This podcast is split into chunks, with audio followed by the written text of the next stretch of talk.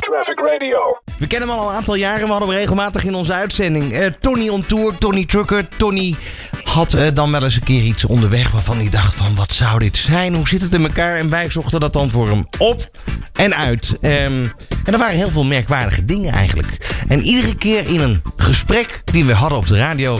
was het zo van, ik ben bijna thuis. Was natuurlijk einde van de dag.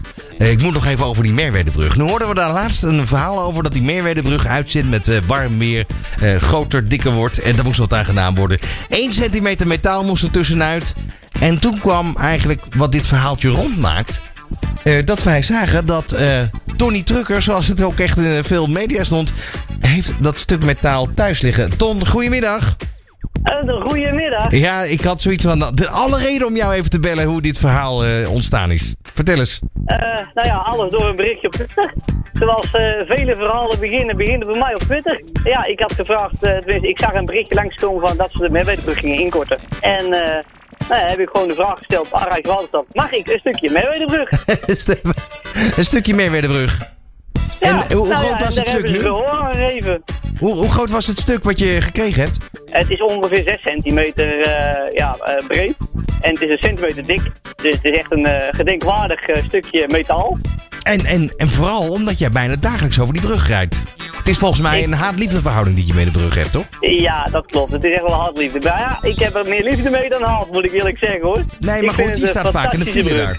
Ja, ik heb er niet zo heel veel last van. Want omdat wij natuurlijk in Gorinchem zelf zitten, kan ik door de stad rijden. En dan voeg ik in ja, aan de voorzijde van de file. Dus ja, heb ik dan veel files? Nee. Tenzij er echt wat gebeurt, ja dan, ja, dan heb ik daar ook wel last van. Maar dat is niet anders. Ja, maar, maar eigenlijk als ik het zo hoor, was het een soort van eh, bluffactie. Van nou weet je, ik eh, probeer het gewoon en kijken of er een reactie op komt. Ja, daar, daar komt het feitelijk wel op neer. Het is gewoon een, een geintje eigenlijk. Maar ja, het geintje loopt een beetje uit de hand soms, hè?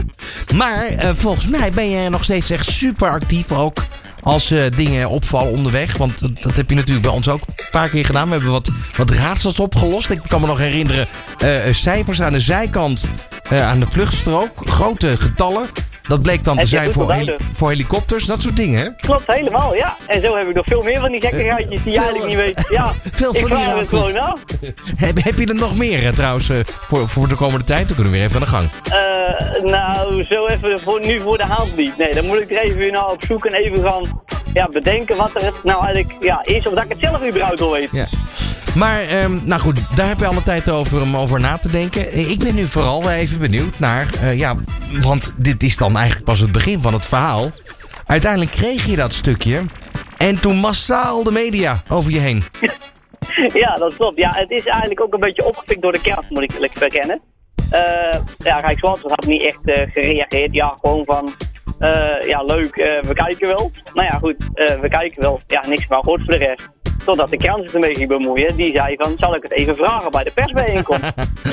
Oké. En toen ging het balletje rollen, zeggen. Want toen lieten ze het zien, dat berichtje. En die man van Rijkswaterstaat, oh ja.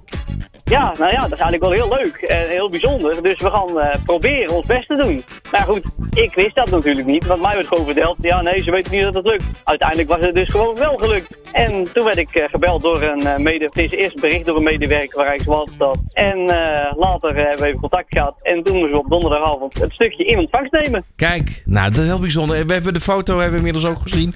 En, ja, eh, de selfie. waar, waar, waar heb je, waar heb je hem staan? Waar heb je hem staan? Hij staat in mijn vitrinekastje. Gewoon netjes bij, bij het volgende object, zeg maar. En ja, daar komt in de loop nog veel meer bij. Ja, want je bent ook in het bezit van de passeerpas. Wat was dat ook alweer? Ja, nou in 1994 mocht je de Merwedebrug ook niet over met de, met, met, de, met de auto's. Toen moest je dus in bezit zijn van een passeerpas, omdat er ook werkzaamheden waren. En dan moest je met de passeerpas kon je via het fietspad de brug oversteken. Aha. En ja, daar was ook een heel gedoe omheen en gezeur. En ja, de ene was het, eh, we konden het wel, eh, ja, die, die snapte het wel. De andere die, die was helemaal serieus en die zegt van nou, eh slap nergens op. Dus ja, het was toen ook al wat. Het is altijd wel iets bij die Merwedebrug. Maar, Maar dat maakt het juist zo leuk. Je hebt in ieder geval een stukje, een, een centimeter dik. Dat is dat stukje centimeter wat, wat ervoor zorgt dat de brug in ieder geval open kan. Want dat was een beetje waar het om ging ook, hè? Ja, dat klopt. Ja. Dat, het heeft met krimp en uitzetten te maken van het ijzer natuurlijk, van staal, je gezegd. Ze hebben dan een stukje eraf gehaald. En het heeft dus mee te maken, elke 2 graden krimpt of zet eh, metaal 1 mm uit. Kijk. En ja, dat wist ik dus ook niet, dat is me ook maar verteld. En nou, daardoor liep hij uiteindelijk dus, ja, was de kans dat hij klem liep, zeg maar. En de, de kans was nu heel groot geworden, schijnbaar. Daarom hebben ze deze noodmaatregel genomen. Ja. Eh, is het nog zo dat die brug ooit vervangen wordt en dat er een nieuwe brug komt? Want dan kan ik Ja, me voorstellen... absoluut. Ja, toch? 2030 moet er een nieuwe leggen. En eh, is dat voor jou goed of slecht nieuws? Het is voor mij goed en slecht nieuws. Allebei tegelijk. Eh, het, ja, het, het, het goede nieuws is, ja, er komt een nieuwe brug. Dus voor de omgeving en alles prima, fantastisch. Eh slecht nieuws, jammer. De, historie, de historische brug, eh Merwedebrug, die gaat weg. Ja, dat is niet anders. Maar goed, mijn passie voor de brug, ja, die blijft denk ik wel. Nou, Want ik, weet, wil ze allebei, ik wil het gewoon allebei in beeld brengen. En dat, eh, Ja. dat is gewoon een hobby en, en een passie. Nou, misschien kan je wel een stukje van de brug krijgen straks... waar je een afdak eh, van maakt voor in je tuin of zo. Nou ja, ik, ik zat te denken gewoon aan het brugwachterhuisje. Het kan een leuke schuur van Oh, ja. maken. nou, hey Tony, dankjewel. En eh, we gaan je zeker weer bellen. Dat is prima, dankjewel. Traffic Radio.